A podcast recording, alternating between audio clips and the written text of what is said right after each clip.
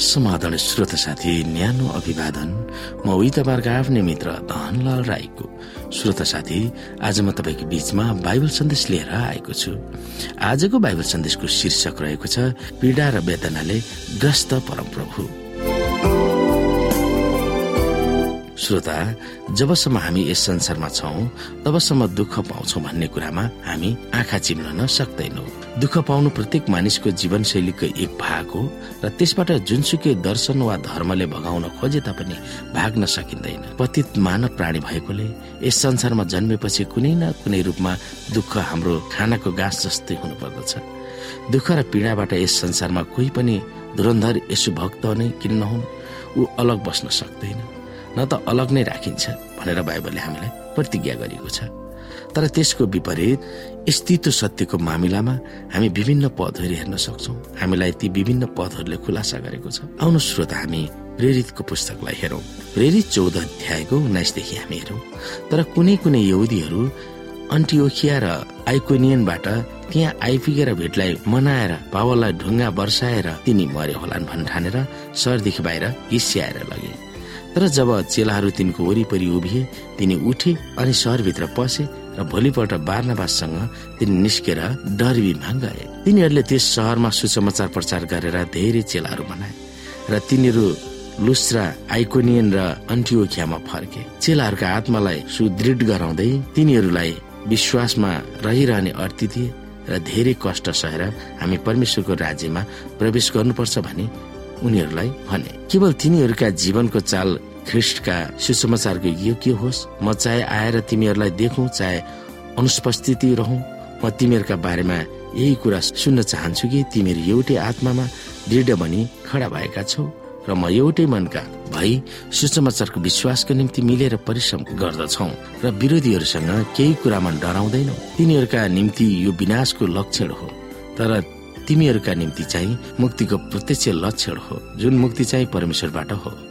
किनभने ख्रिसको निम्ति तिमीहरूलाई यो दिएको छ कि तिमीहरूले उहाँमाथि विश्वास गर्नु मात्र होइन तर उहाँको खातिर दुःख पनि भोग्नुपर्छ। र त्यही सङ्घर्ष जो तिमीहरूले ममा देख्यौ र मसँग छ भने अहिले सुन्दछौ।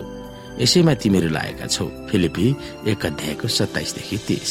श्रोता हामी यसै गरी तिमोथी तीन अध्यायलाई पनि हेरौँ। दसमा यसो भनिएको छ अब त तिमीले मेरो शिक्षा मेरो चरित्र मेरो जीवनको लक्ष्य मेरो विश्वास मेरो धैर्य मेरो प्रेम मेरो स्थिरता देखेका छौ। मेरा सतावटहरू र मेरा कष्टहरू अन्टियोखियामा आइकोनियनमा र लुस्रामा माथि के पर्न आयो? र कस्ता कस्ता सतावटहरू सहे तापनि ती सबैबाट प्रभुले मलाई बचाउनु भयो। ख्रिस यसुमा भक्तिसाथ जीवन बिताउन इच्छा गर्नेहरू सबैजना सतावटमा पर्ने नै छन्। तर दुष्ट मानिसहरू ठगाहरू ठगेर ठगिएर झन झन दुष्ट हुँदै जानेछन्। यद्यपि हाम्रो दुःख कष्ट र पीडाको बीचमा दुई थोकहरू हाम्रो दिमागमा राख्न हामीले जरुरी छ श्रोता। पहिलो ख्रिस हाम्रो प्रभु हामी कुनैले दुःख पाउनु भन्दा धेरै नराम्रो दुःख उहाँले भोग्नु भएको थियो।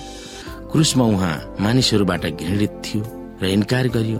अफसोसमा परेको मानिस र कष्टसित परिचित ऊ त्यो जस्तो थियो जसलाई देखेर मानिसहरू आफ्ना मुख फर्काउँछ ऊ घृणित र हामीले उसलाई केही मोलको गरेनौ निश्चय नै उसले हाम्रा निर्बलताहरू बोक्यो र हाम्रा दुःख बोक्यो तापनि हामीले उसलाई परमेश्वरबाट हिर्काइएको उहाँबाट पिटिएको र दुःखमा परेको सम्झ्यौँ। तर ऊ त हाम्रा अपराधका निम्ति छेडियो हाम्रा अधर्मका निम्ति ऊ पेलियो। हामीमा शान्ति ल्याउने दण्ड उसमाथि पर्यो। हामी प्राय जसो व्यक्तिगत रूपमा वा व्यक्तिगतको निम्ति दुःख पाउँछौ तर उहाँ हामी सबैको निम्ति सामूहिक रूपमा वा सामूहिकको निम्ति दुःख पाउनु भयो उहाँ पाप रहित हुनुहुन्थ्यो तर उहाँ हाम्रो निम्ति पाप हुनुभयो। उहाँले यस्तो किसिमको पीडा र वेदना भोग्नुभयो जुन हामी पापी मानिसले कल्पना पनि गर्न सक दोस्रो जब हामी दुःख पाउँछौ तब यसुले दुःख पाउनु भएका नतिजाहरूको बारेमा याद गर्नुपर्छ। त्यो हो हाम्रो निम्ति ख्रिस्टले के गर्नुभयो त्यसबाट हामीलाई उपलब्ध गराएको प्रतिज्ञा के हो? श्रोत साथी यसै गरी हामी आउनुहोस्। योहन्ना दश अध्यायको सत्ताइसदेखि तिससम्म हेरौँ पहिले। हामीलाई के प्रतिज्ञा गरिएको छ? त्यो कुरा हामी हेर्न सक्छौ यहाँनिर। मेरा भेडाहरूले मेरा स्वर सुन्छन् र तिनीहरूलाई म चिन्छु। तिनीहरू मेरो पछि आउँछन्। तिनीहरूलाई म अनन्त जीवन दिन्छु। र तिनीहरू कहिले नष्ट हुने छैन र कसैले तिनीहरूलाई मेरो हातबाट खोसी जाने छैन। मेरा पिताले ती मलाई दिनुभएको छ र उहाँ सबैभन्दा महान हुनुहुन्छ।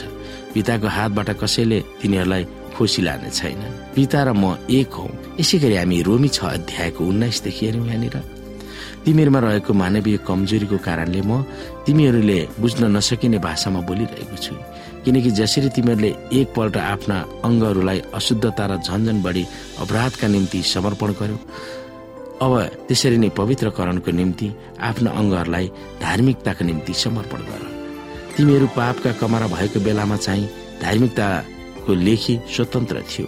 अब जुन कुराहरूमा तिमीहरू अहिले शर्माउँछौ सो कुराहरूबाट तिमीहरूले के प्रतिफल पायो? ती कुराहरूको अन्त्य चाहिँ मृत्यु हो। तर अब तिमीहरू पापबाट मुक्त भई परमेश्वरका कमारा भएका छौ अनि तिमीहरूले पाउने प्रतिफल चाहिँ पवित्रकरण हो र त्यसको अन्त्य चाहिँ अनन्त जीवन। किनकि पापको ज्याला मृत्यु हो तर परमेश्वरको सिद्धिको प्रधान ख्रिस यसो हाम्रा प्रभुमा अनन्त जीवन हो।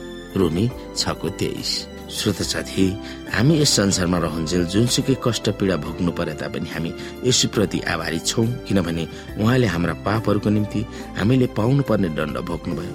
उहाँले सुसमाचारको महान प्रबन्ध मिलाउनु भयो ताकि विश्वासद्वारा यसुमा सिद्ध र निर्दोष अहिले नै हुन सक्छौ र उहाँले नै अहिलेबाट सुरु हुने अनन्त जीवन उपलब्ध गराउनु भएको छ। यसुले के गर्नुभयो? उहाँको सिद्ध जीवन र सिद्ध बलि पर्याप्त भएको र त्यसको पूर्णता प्राप्त गरेको छ। यसै कारण यस संसारमा हाम्रो अस्तित्वमा दर्द निराश क्षतिले भरिपूर्ण भए तापनि त्यो छिडिक र आँखाको झिमेकमा बितेर जानेछ तिनीहरूको विपरीत हाम्रो निम्ति अनन्त जीवन पर्खिरहेको छ। नयाँ स्वर्ग र नयाँ पृथ्वी जहाँ पाप दुःख मृत्यु हुने छैन ती सबै थोक हामीलाई प्रतिज्ञा गरिएको छ र निश्चित गरिएको छ।